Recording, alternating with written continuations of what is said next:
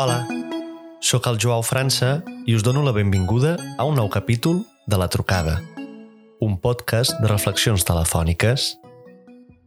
Avui truquem a l'Efraïm Foglia, dissenyador, investigador i docent que treballa en les interseccions entre el disseny, l'activisme de base i les tecnologies en xarxa. L'Efraïn forma part de diversos projectes que busquen connectar les persones a través d'infraestructures que els donin llibertat – com per exemple la xarxa de telecomunicacions autogestionada de Gifi.net, l'Associació Expansió de la Xarxa Oberta o també la xarxa de ràdios comunitàries de Barcelona. La seva experiència ens mostra la importància de pensar les tecnologies des d'una mirada comunitària. Avui parlarem sobre l'internet. Truquem a l'Efraín.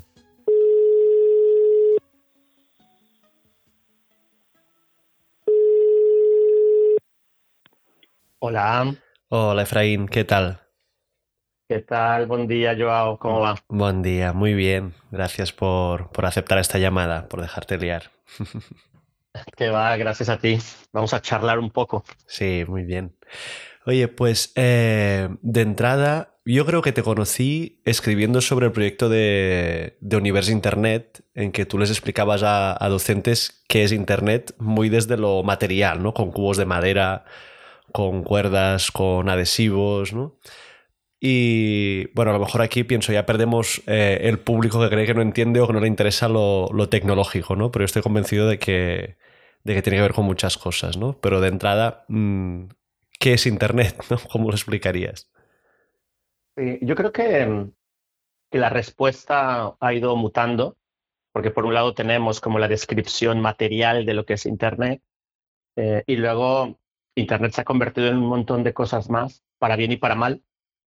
Y antes la descripción solamente venía desde algún lugar, que era desde las telecomunicaciones, desde esa especialidad. Pero ahora mismo la respuesta puede venir desde casi cualquier área del conocimiento.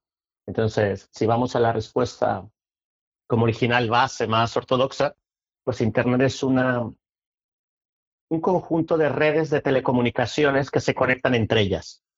Eh, dicho, de, dicho otra forma, como si mucha gente se agarrara de la mano y hiciera un círculo, y luego al lado hay otra gente que hace otro círculo, y al lado hay otra gente que hace un círculo y en el otro pueblo, y llega un momento en que deciden juntar esos círculos soltándose unas manos a algunas personas y agarrándose con, con una mano al otro círculo.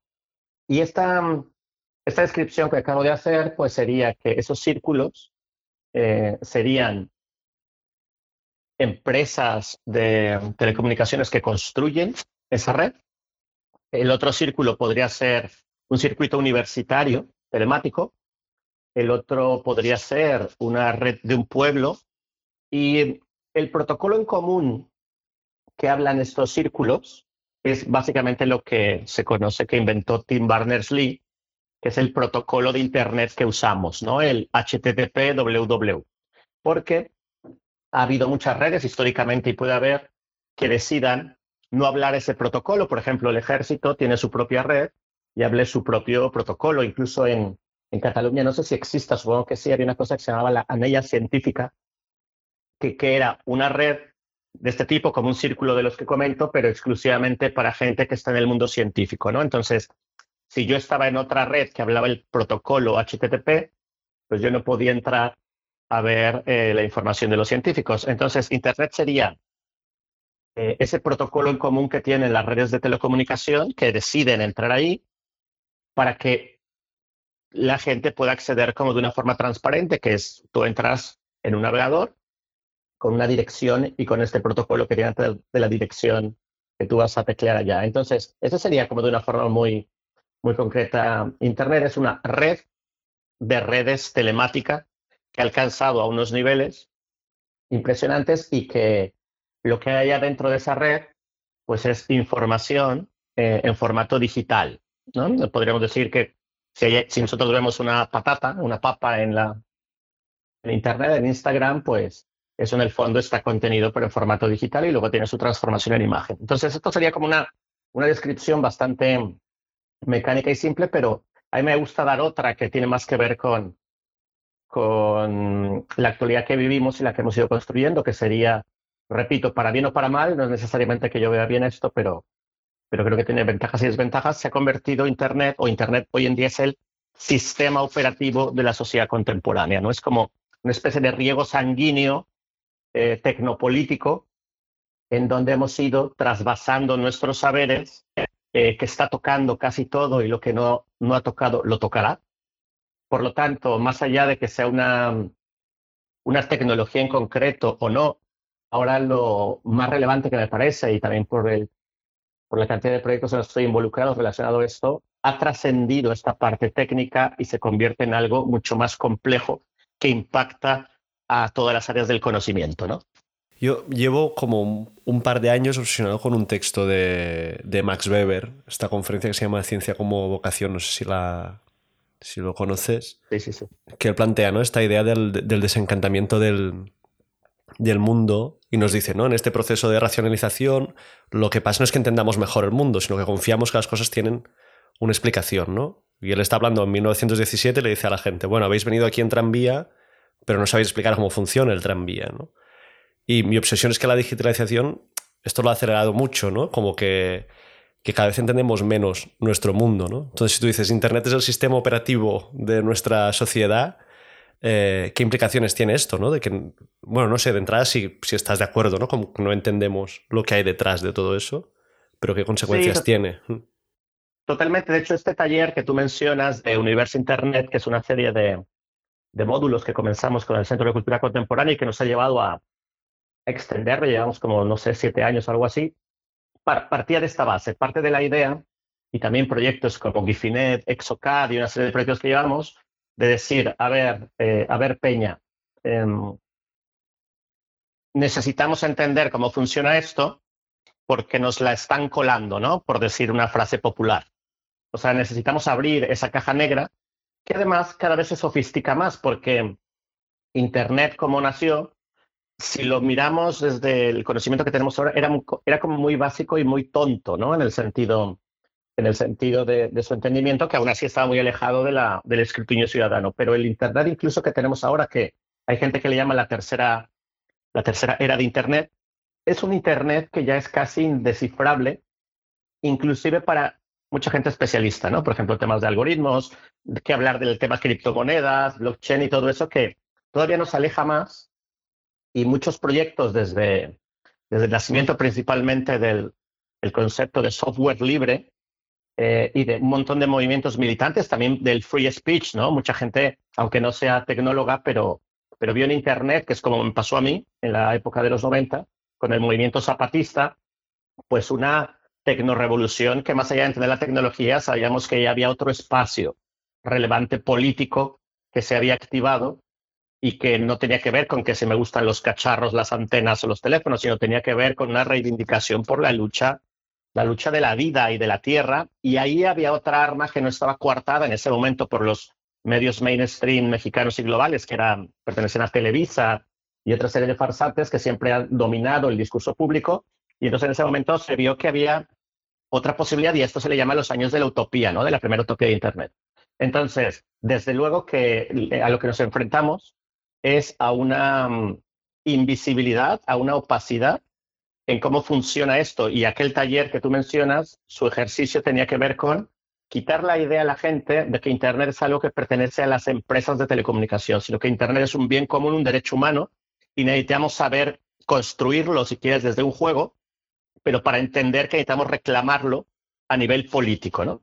Con esta, ahora más conectado como con otra con otra cosa, ¿no? Pero como esta idea de la, de la libertad de expresión, de poder expresarte, eh, y esto entiendo que conecta con lo que comentabas, ¿no? O sea, hablas de tu conexión con esto, pues desde la, desde la lucha zapatista, yo pienso en mi caso, ¿no? De empezar a trabajar en medios independientes que se pueden construir porque hay muy poco coste de, de infraestructura, pero cada vez más, mmm, ¿no? Pienso en Twitter concretamente, ¿no? Por ejemplo, de pasar a ser un espacio de libertad de expresión a ser un espacio donde está cada vez más limitado lo que, o sea, tú puedes decirlo todo, pero lo que puedes comunicar mmm, no es lo mismo, ¿no? O sea, no tienes tanta, tanta libertad. ¿Qué ha pasado aquí, no? ¿Cómo se ha perdido esta utopía de Internet, por decirlo así?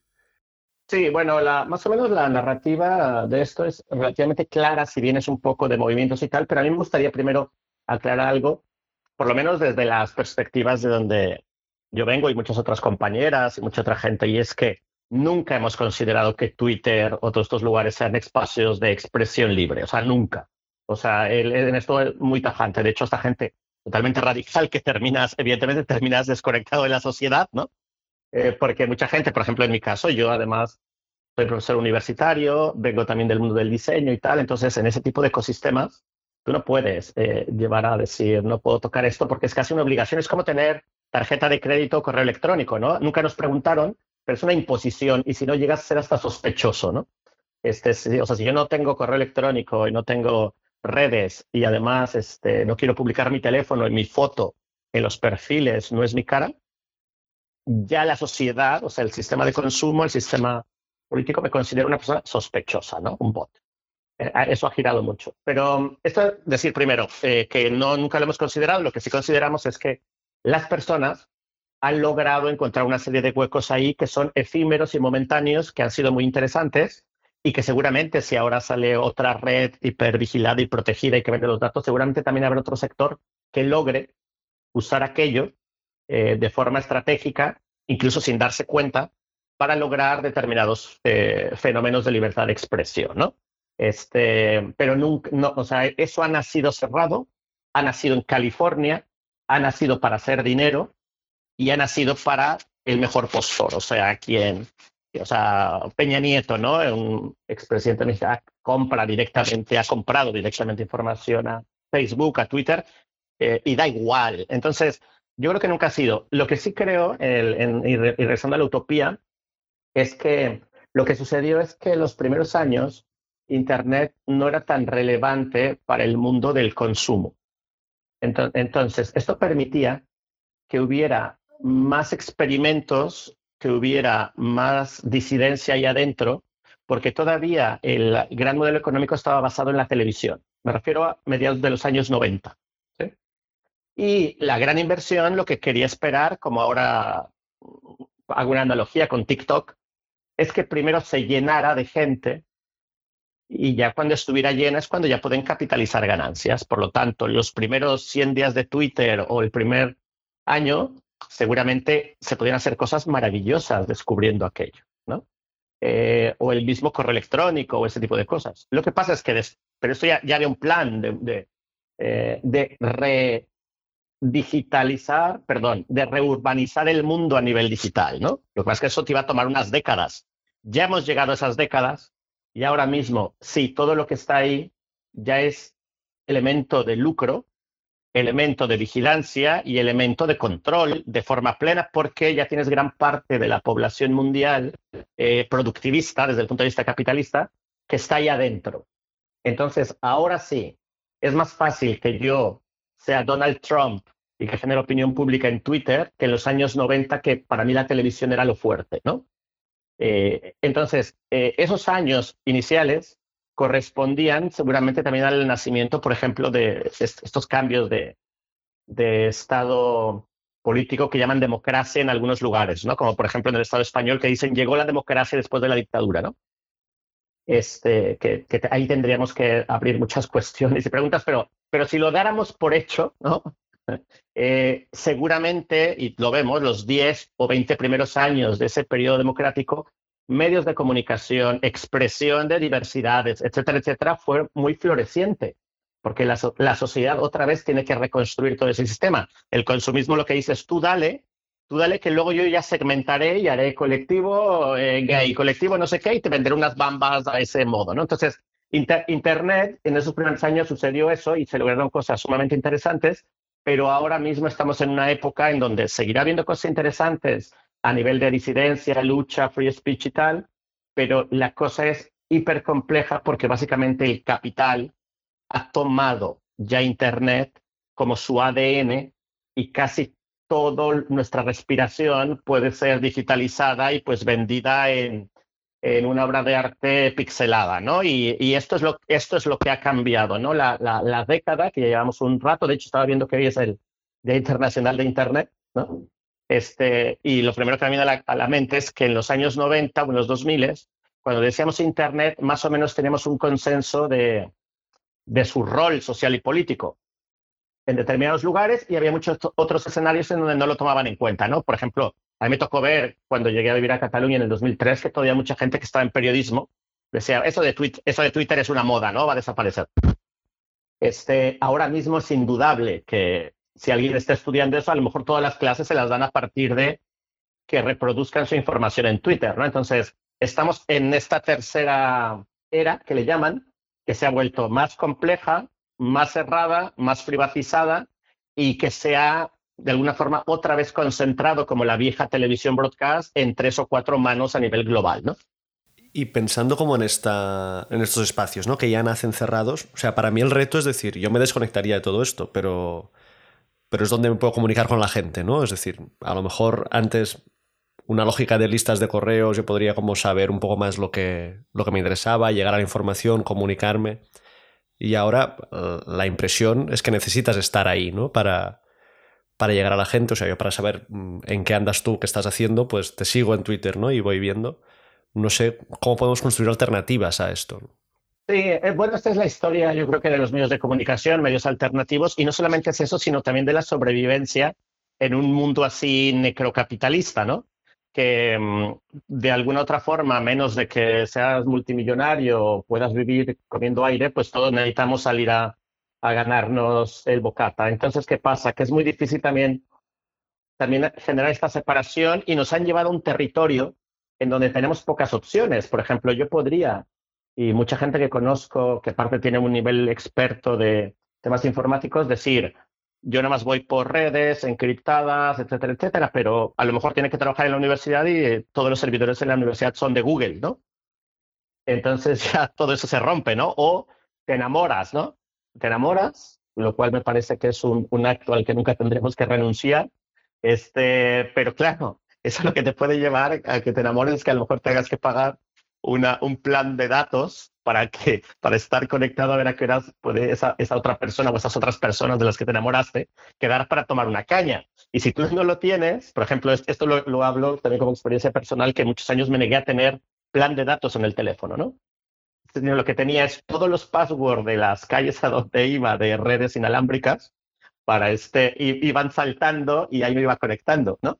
Este, y llegó un momento donde era imposible porque si salía yo de esas calles, eh, quería quedar con una persona en cuestión y no podía por esto. Entonces, es así, es así tan de humano popular a veces las decisiones más que statement políticos como súper robustos, ¿no? O por ejemplo mi madre, ¿no? O sea, mi madre, como mucha gente de su edad, no, no pudo acceder por un tema de conocimiento a todas las capas desde Internet navegador hasta smartphone, ¿vale? Eh, ella vive en México. Y, lo que más se parece a su referencia, que es realmente lo que más se usa a nivel global, es el WhatsApp. ¿sí? El WhatsApp, evidentemente, no solamente es que lo odie, sino que me molesta cuando alguien me adhiere a WhatsApp, etcétera, etcétera. Pero claro, eh, yo esto se lo cuento a mi madre y me dice, mira, tú te callas, que estás allá no sé dónde con esta gente, con todos los buenos allá, y tú me vas a contestar por WhatsApp. Y yo no voy a instalar otra cosa, ¿no? Entonces, claro, o sea, lo, no es una caricatura aunque lo parezca, pero lo que intento decir es que muchas veces esta decisión de, política de, usar una serie tanto de herramientas o matrices tecnológicas eh, es verdaderamente compleja si nos lo planteamos desde un purismo total, ¿no? Eh, lo que sí es verdad es de que hay una serie de circuitos en los cuales este, tú puedes estar operando y puedes hacer una segmentación de las cosas que son muy delicadas, de las cosas que son más políticas, de las cosas que son más populares, etcétera, etcétera, ¿no? Por ejemplo, no sé, pongo una serie de normas mínimas. Yo nunca pondría en Instagram, que lo uso, eh, fotos de mi familia o de gente querida, etcétera, etcétera, aunque ya los tenga Apple, ¿no? Porque no necesito ponerlos yo, ya los puso otra persona, ¿no? Este, o eh, determinados correos que están dedicados a proyectos políticos, ¿no? Y que tienen un, y que los tengo con Pangea y que los tengo con tal. De hecho, si lo miras, hablo en territorio catalán, seguramente también más allá, ¿no? Pero tenemos, tenemos servicios de correo electrónico éticos con Pangea. Eh, tenemos, eh, son conexiones si quieres teléfono, ¿no? Eh, tenemos una cantidad de redes de infraestructura con el que pueden prestar servicios hasta de fibra óptica. O sea, sí que hay una serie de abanicos que evidentemente costarán más que usar Twitter, porque siempre hay que poner el cuerpo un poco en eso, porque la gente normalmente hace las comparativas con, el último producto de Google o de Apple. Eh, y sí que tienes un abanico en donde tú puedes más o menos estar eh, atento a una serie de eh, protecciones de todo lo que sería aquello, evidentemente sin querer en la paranoia. Pero que yo entiendo que hay que estar apostando por eso y por otro lado es muy difícil juzgar a la gente que usa otro tipo de, temas o de herramientas que son total y absolutamente pues la máxima explotación también de su vida propia porque las circunstancias de cada persona es muy, muy diferente. De hecho, hay, hay estudios que demuestran que muchos movimientos, muchos movimientos sociales, políticos, ¿no? A pie de calle, como se organizan es a través de WhatsApp por la línea de aprendizaje, ¿no? Entonces, el, y, tú no puedes llegar allá, a tirarte tu rollo y exigirles que cambien, ¿no? Si estás dando como ese apoyo. Entonces, lo que yo creo que aquí lo que necesitamos es intentar tener parcelas que puedan convivir también sin dándoles la importancia que el contenido que, que realmente tiene. Esto nos toma un poco más de tiempo de lo habitual al día, pero me parece que es un ejercicio que, que podemos realizar sin tener que cambiar toda tu vida e irte a una isla desierta sin internet, ¿no? Si eso quieres, bien, pero me refiero dentro del ecosistema de intercambio de información digital, ¿no? Claro, en este intercambio, o sea, ¿tú crees que es posible masificar, digamos, alternativas eh, libres o realmente siempre tendremos que estar jugando, ¿no? Como con este estar un poco en estos espacios que son cerrados y son privados, empresariales y luego pues en lo que podamos estar en espacios que sean que sean nuestros, ¿no? Por ejemplo, ¿no? Gente pues puede usar Mastodon, pero no está ahí toda la gente que está en Twitter, ¿no? Este salto se puede, ¿crees que se podrá hacer en algún momento? A ver, yo creo que esto es lo mismo que la gente que está luchando por la vivienda, por la tierra, por inclusiones de todo tipo, etcétera, etcétera. Em, lo que tú construyes o por lo que tú luchas en ese momento con ese tipo de alternativas es solo el comienzo de lo que seguirá la generación que viene atrás. Eh, y es de por vida. O sea, no, la gente que está haciendo esto no se va a morir, sino nos vamos a extinguir, ¿no? Este, entonces, en cosas tan, veloces como esto de Internet, que no se parece nada a la evolución de la televisión, ni de la radio, ni de la prensa, porque además lo han impulsado para que sea así. Con lo de la pandemia todavía lo impulsaron más, pero están forzando todavía a estar ahí más rápido y más, y más adentro. Este, las estrategias se tienen que cambiar casi cada año de estos proyectos. O sea, en, o sea no, no se puede tener un plan. Nosotros lo vemos con el tema de la salsa de radios, Gifinet, Exo y no sé de proyectos que tenemos, casi cada seis meses entran en crisis en alguna, porque ya salió otra cosa o ya nos llevó a otro territorio o incluso estás apoyando a colectivos eh, para que tengan internet y de repente te dicen, ya, pero no va tan veloz como aquella, como telefónica. Entonces, claro, o sea, estamos ahí y a diferencia de otros sectores, este va muy veloz. Entonces, llega un momento en donde no puedes competir por velocidad o por mejora y tal, pero lo que tienes que competir es por robustez de la comunidad. Entonces, sí hay un circuito global internacional eh, que crece.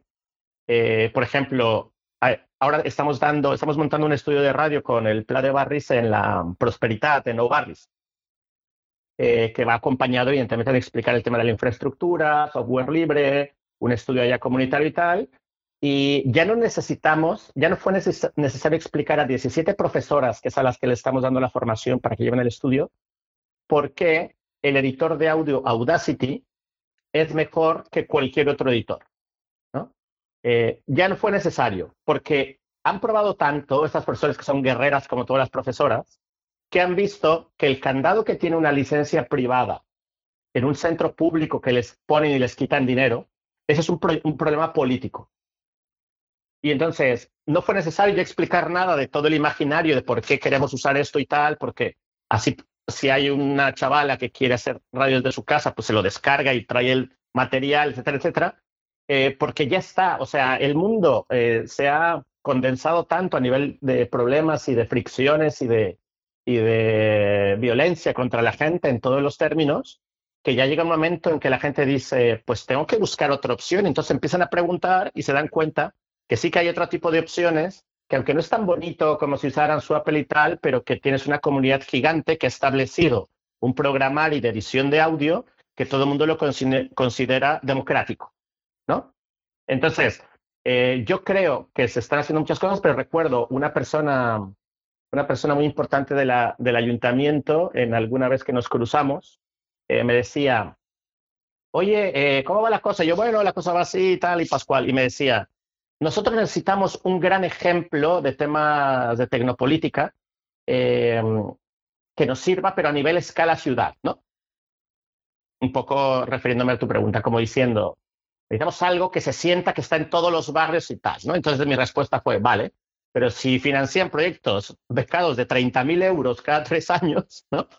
O sea, lo que se pueden hacer son prototipos y apoyar a las comunidades, ¿no?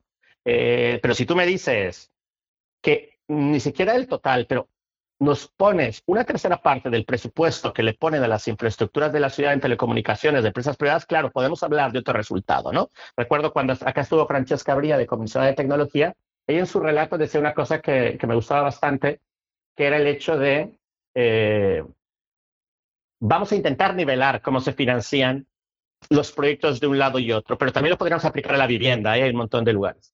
Lo que pasa es que no tenemos casos de estudio tan grandes porque casi todas estas comunidades se autogestionan, consiguen recursos como pueden y que y van por slots, ¿no? O sea, estos dos años, este es el proyecto que tenemos, a lo mejor hay un cambio generacional porque pues la gente eh, tuvo hijes o se fue al monte y tal. Entonces es un trabajo continuo, pero yo creo que no se aspira tampoco a poder tener algo tan grande porque eh, los casos también que ha habido, lo que terminan haciendo es entrando en una dinámica económica que termina rompiendo el proyecto, ¿no? Y esto, bueno, tú lo, tú lo sabrás bastante bien en muchas experiencias que habrás vivido, ¿no? A mí me tocó el, el momento del lulismo con Forado Eixo y todo esto, ¿no? Que tomó unas dimensiones como gigantes y veías ahí unos fenómenos también de este tipo, pero lo mismo en otros lados, ¿no? Entonces, a mí lo que me parece es que el salto también de escala lo que hace es que te genera una presión tanto fiscal, económica y administrativa que mucha gente es capaz de abandonar ese proyecto porque eso no era lo que estaba buscando. Estaba buscando un espacio de libertad y estaba buscando un espacio de construcción colectiva. Y cuando tú ya saltas a facturar, a encontrar dinero para contratar a determinadas personas para generar un proyecto más grande, la cosa se empieza a poner sumamente extraña, ¿no? En este sentido.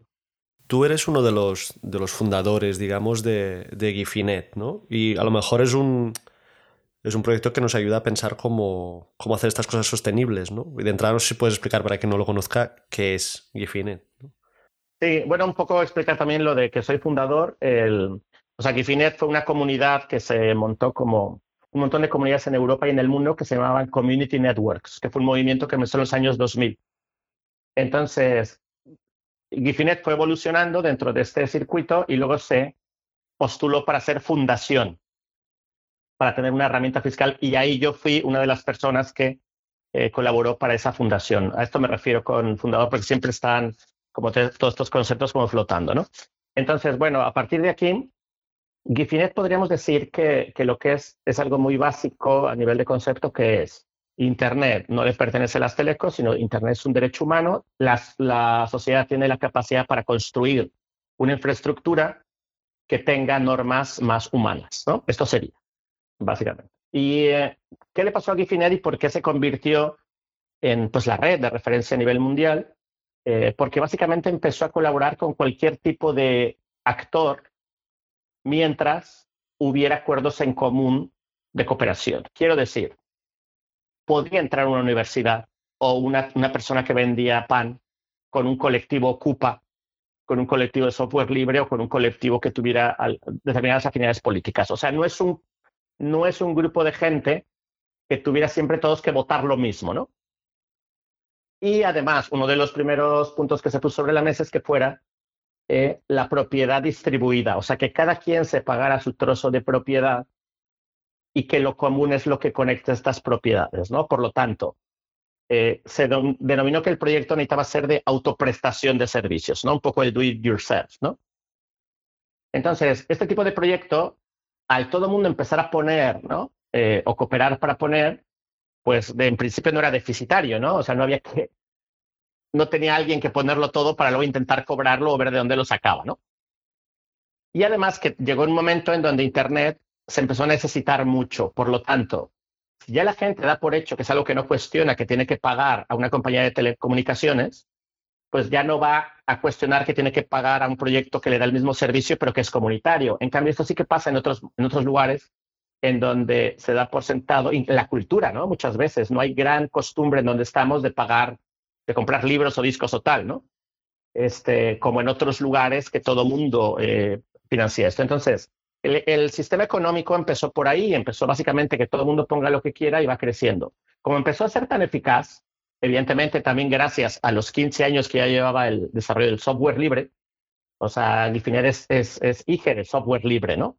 O sea, no, no, no nace de formación espontánea, sino llega un momento donde hay conocimientos de todas estas comunidades a nivel global que permiten pensar por qué no vamos enlazando localidades a través de antenas y de cables y usamos una, la poesía del Creative Commons o de las licencias de software libre y generamos una licencia que se llamaba em, la licencia pro común de la red abierta, ¿no? Que es una, que es posiblemente la primera licencia en telecomunicaciones que te permitía hacer esto. Entonces, esto empezó a crecer, a crecer, a crecer, llegó a crecer de una forma fundamental porque también una pequeña empresa que estaba en un pueblo decía, yo pago para que esa infraestructura común llegue a mi pueblo y puedo conectar el pueblo de atrás. Entonces podríamos decir que siempre hubo economía, ¿no? O sea, siempre hubo alguien que pusiera dinero para algo. Y a partir de ahí, evidentemente, cuando algo empieza a tener este tipo de, de relevancia, pues ya es cuando tú puedes optar a financiamiento europeo, financiamiento local, financiamiento tal y tal y tal, ¿no? Evidentemente estoy hablando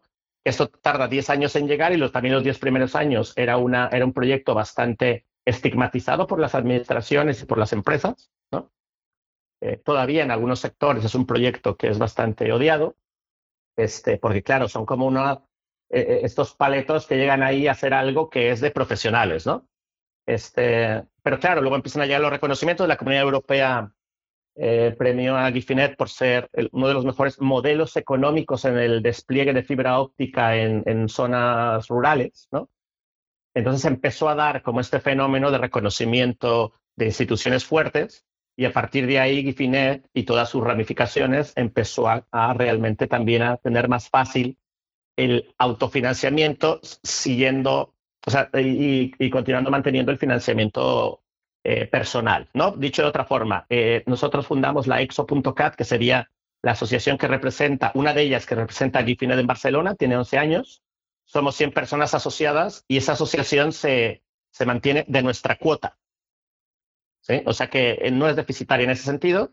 La mayor parte de la gente que estamos no necesitamos tener conexión a Internet, nos la podríamos pagar. ¿Vale?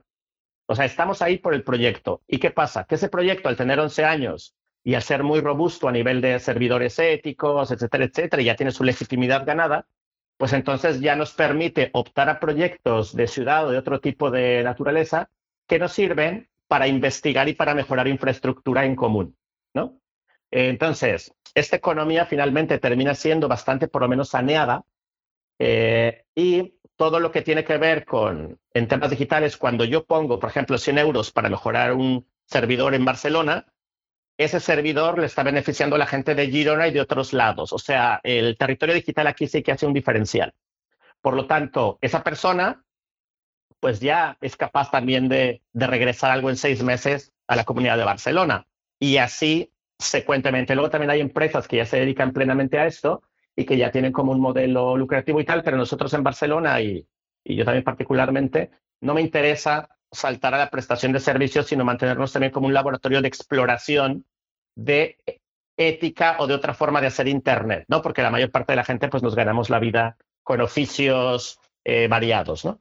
Claro. Y, o sea, para quien no, quien no lo entienda, ¿no? Porque esto a veces es, bueno, no sé, la gente que no, como no pensamos en la estructura, ¿no? Lo material de Internet, ¿cómo entender esto, ¿no? O sea, al final, Gifinet es como lo que decías, ¿no? Gente que está cogida de las manos, pero en algún momento se conectan a la red, ¿no? A la Internet, digamos. Efectivamente, es una muy buena pregunta y es, es posiblemente de las más complejas porque partemos ¿no? de a quién pertenece Internet y de dónde viene Internet, ¿no? Pues mira, voy a intentar explicarlo de una forma muy sencilla, a ver si me sale. En principio, eh, Gifinet o las llamadas redes comunitarias eh, lo que hacen es que enlazan cinco casas de un pueblo, ¿vale? Las enlazan con tres tecnologías posibles, que son las que están al, abasto de la gente, que es cable de cobre, o sea, yo podría pasar cobre y tirarlo por la ventana a mi vecino, que es lo que conocemos como el ADSL, ¿no? Eh, otro, podría tirar un tubo y por ahí pasar fibra óptica y así conecto aquel lugar con esto. O con dos antenas de respuesta industrial, que es importante mencionarlo, ¿no? No son antenas así amateur, sino son antenas que te generan la misma conexión que un cable, pero de forma inalámbrica, ¿no? Un poco como las que tú en los aeropuertos cuando vas a despegar de los, los tambores estos que conectan un aeropuerto con otro, ¿no? Hay algo importante de decir, que mm, para que tú conectes dos antenas de un lugar a otro, eh, tú tienes que ver la ley de telecomunicaciones para ver si tú puedes usar algunas frecuencias o no, o tienes que pagar por ellas, que es el gran problema del FM, ¿no? Todo lo que ya sabemos de las, radios libres y todo esto, ¿no?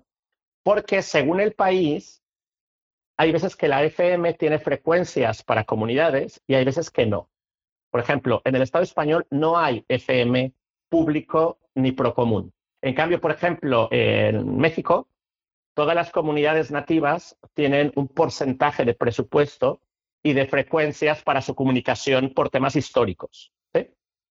Entonces, eh, conectar dos antenas acá eh, a nivel de FM u otras frecuencias no puedes de forma, digamos, legal e institucional, pero para Internet hay dos frecuencias que se conocen, frecuencias comunes, que es la de 2,4 GHz y 5 GHz, que no necesitas pagar por ellas. Es como el agua de canaletas, ¿no?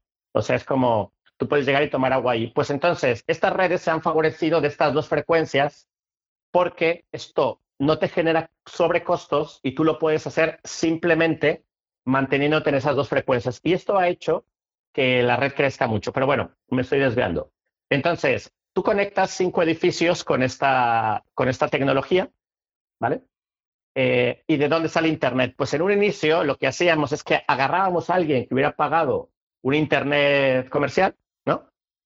Lo conectábamos a esa red de cinco antenas y se distribuía y todo el mundo se repartía ese gasto, ¿vale?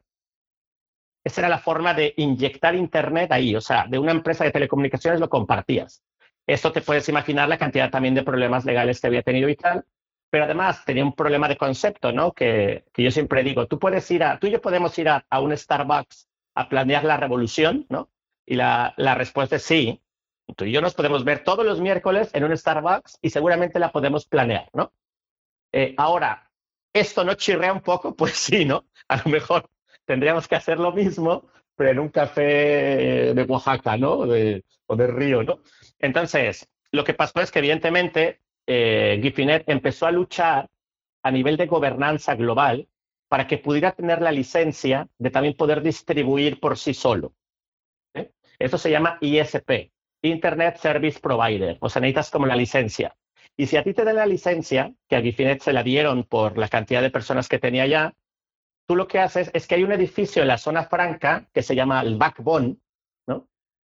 En donde tú te conectas a ese edificio y desde ahí, evidentemente pagando las tasas y a los brokers y tal, pues tú compras una cantidad de conexión concreta y la distribuyes entre tu red, que es lo que hace Telefónica, Orange y tal, ¿vale? Ese edificio Backbone, pues está conectado con todos los backbone de cada una de las ciudades. Y eso es lo que genera Internet. Entonces, eh, Gifinet, ya desde hace varios años, también por, esa fue una de las razones por las que se hizo fundación, tiene la misma categoría legal, jurídica, que Telefónica o cualquiera de estas empresas. Entonces, lo que pasa es que su modelo pues, es otro. Por lo tanto, eh, yo cuando pago mi conexión, que yo tengo fibra, fibra de, por medio de EXO, llega a conectarse hasta ese backbone y lo que yo le pago a la comunidad es lo que la comunidad, junto con todas las, las cuotas, le paga a los servicios del backbone por ese tráfico de datos, ¿vale?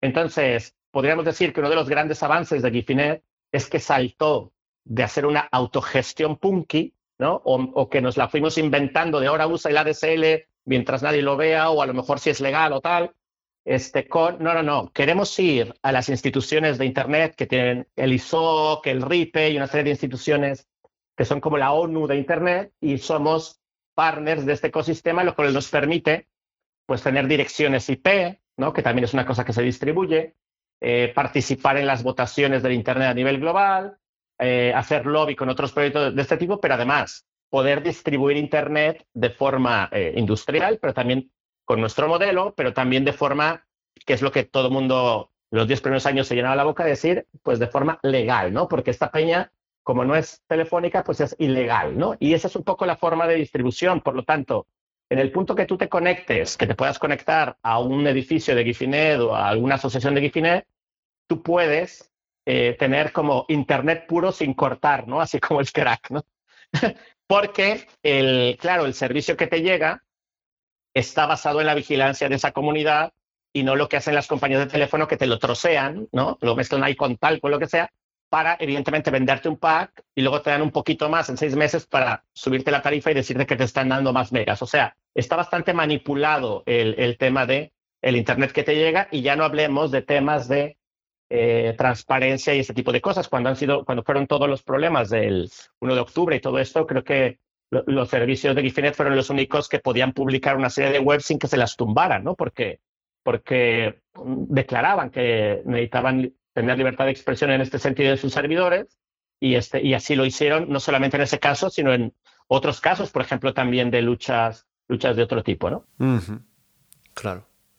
Y Efraín, llevamos mm, casi 40 minutos hablando y para ir acabando, una cosa que te quería plantear es ¿no? esta, esta lógica, que es una lógica muy, bueno, ¿no? Del software libre, de estas éticas de Internet, digamos, ¿no? Y de que lo que decías, ¿no? Él ocupa la panadera, la empresa de, ¿no? Poder estar, la universidad, poder estar todas juntas en este mismo, en este mismo proyecto. No sé qué aprendizajes dirías que nos puede dar estas lógicas de Internet a otros tipos de organizaciones comunitarias, ¿no? No sé si decir físicas o 1.0, porque al final todo, todo está físico y está digital también, ¿no?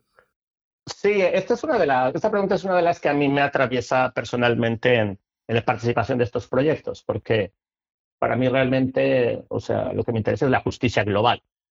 Entonces, lo que me interesa, o por lo que seguí en GIF y sigo y seguiré y proyectos paralelos, es porque yo vi que ese conocimiento lo podía trasladar a otras prácticas, por ejemplo, de mi barrio en México.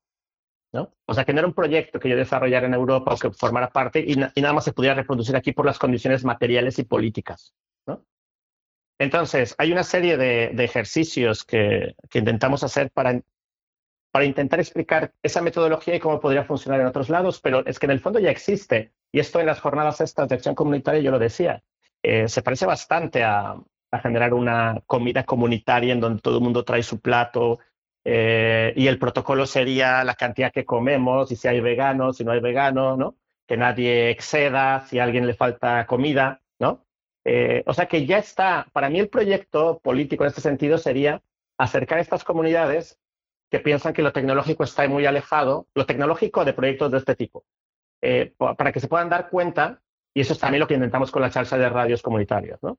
lo de la radio es un comodín, pero lo que nos interesa es que entiendan que la, que hacer radio, también, también hay un proyecto político no solamente en los contenidos, sino en esas infraestructuras que sean, que sean eh, gobernadas por ti mismo, que sean éticas, que sean etcétera, etcétera. Y, eh, para mí ese sería como el, el, el, tema, porque en el aprendizaje me parece que hay poco que, que enseñarle a, a, proyectos de lucha o de reivindicación que se dan aquí en la ciudad y a nivel global.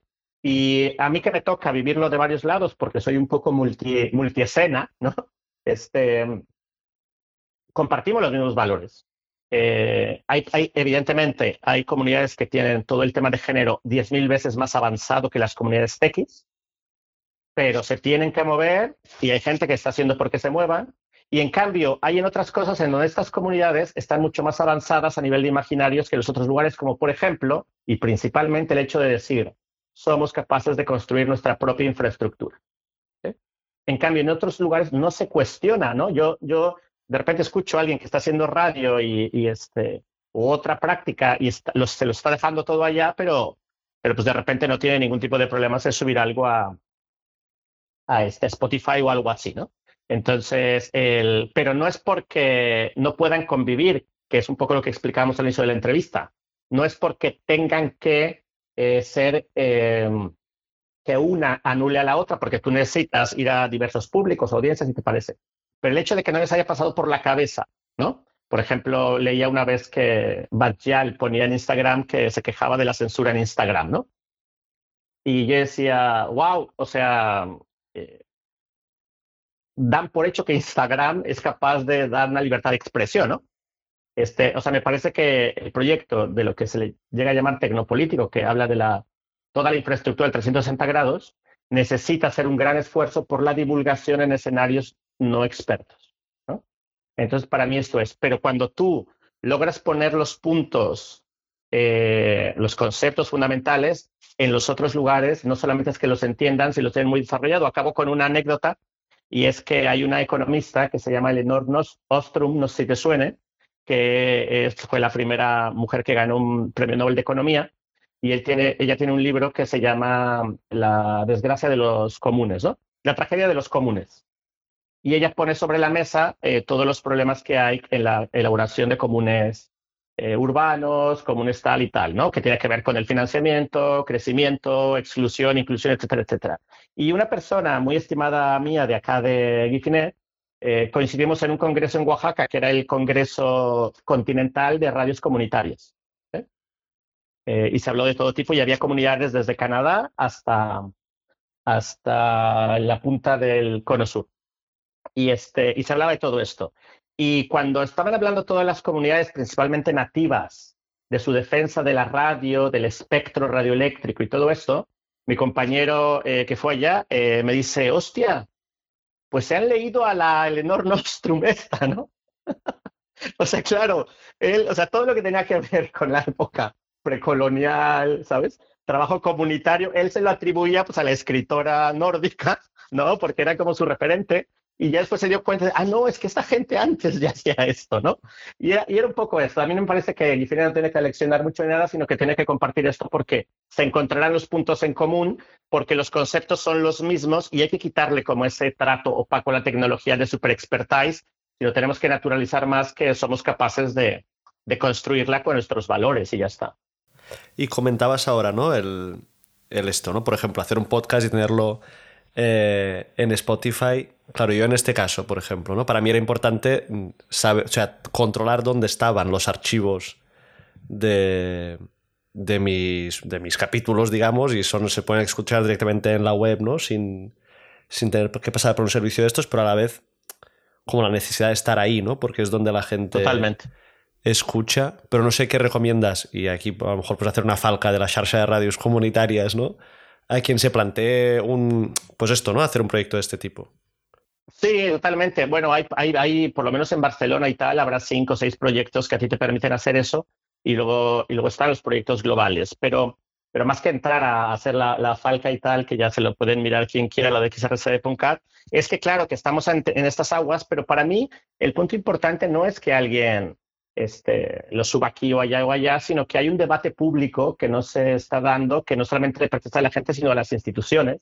Y ahí hacemos mucho hincapié de cómo es posible que se estén haciendo eh, podcasts o relatos y tal desde las instituciones públicas y que se dé por defecto, ¿no?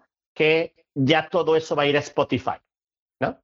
Y al mismo tiempo tengas una charla está hablando de soberanía tecnológica en Barcelona, etcétera, etcétera, ¿no? O sea, este es el punto, es como más a nivel conciencia, porque lo que le pasó a Internet, y esto es una de sus grandes ventajas dentro del capitalismo así como extractivista, es que es la gran matriz tecnológica que nació ya en la época de las privatizaciones. Entonces, el cuestionamiento de la educación pública está allá, de la televisión pública está allá, porque nació de una forma y luego, eh, luego la mataron, ¿no? O, o, la tienen ahí herida de muerte, la sanidad pública, ¿no? O sea, si, tú dices, vamos a luchar por la sanidad pública, pues aquí salen las, las, las jefas del CAP Raval North y queman el magma si hace falta, ¿no? Porque hay una identificación entre ese derecho de lo público y todo lo que es privado, que gran parte de lo privado pues está muy manchado por los abusos, ¿no? No digo que todo, pero gran parte.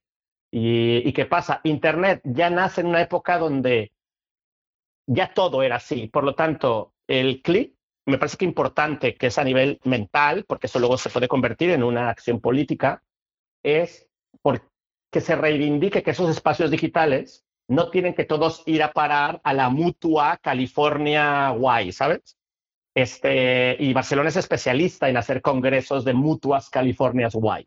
Entonces, nosotros lo que intentamos explicar, por ejemplo, el GREC, el Festival GREC del Teatro, estamos haciendo la segunda colaboración este año y, este, y el director, el, lo entendió perfectamente desde el inicio y estamos trabajando en que sus contenidos vayan directamente a un medio público comunitario gestionado tal, y, pero coincide que cuando le intenté explicar todo el proyecto, él es de Vic, de, de Osona, entonces, como ese es uno de los bastiones de Gifinet más fuertes, eh, le tocó en su juventud conocer aquello y me dijo, tranquilo, que ya lo entendí todo. Entonces, o sea, es posible llegar a estas sensibilidades en un festival que necesita audiencia y aparte nosotros le dijimos, no es incompatible, y que es un poco también la respuesta que te daría, con que tú lo subas a spot y tal.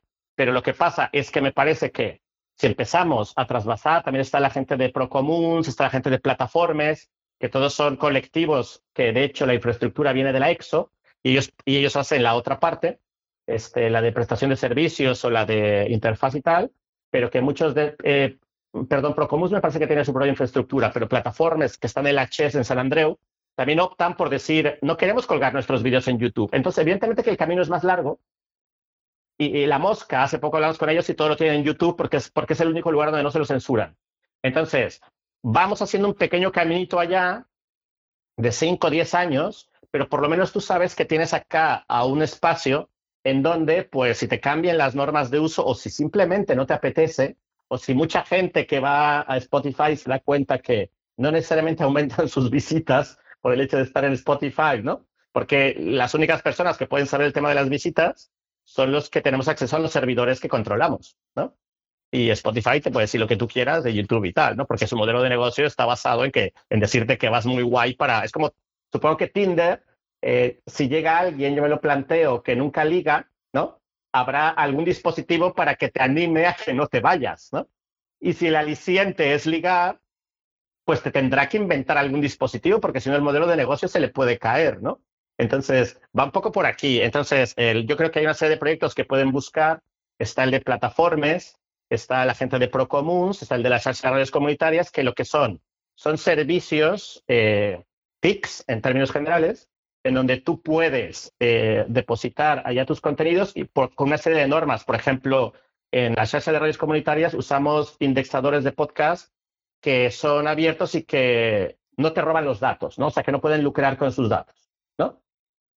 Y vamos intentando limpiar todo eso, pero es verdad lo que tú dices, por ejemplo, a nivel de divulgación porque las comunidades de radio se mueven en muchos ámbitos, nosotros tenemos que tirar de Instagram y de Twitter. ¿No? O sea que, en cambio, en la gestión interna del proyecto en Más Tech tenemos una cosa que se llama Elements, que se llama Matrix, que es, un, uno, es uno de los chats, ¿no? Que no, no te pide el número de teléfono, ¿no?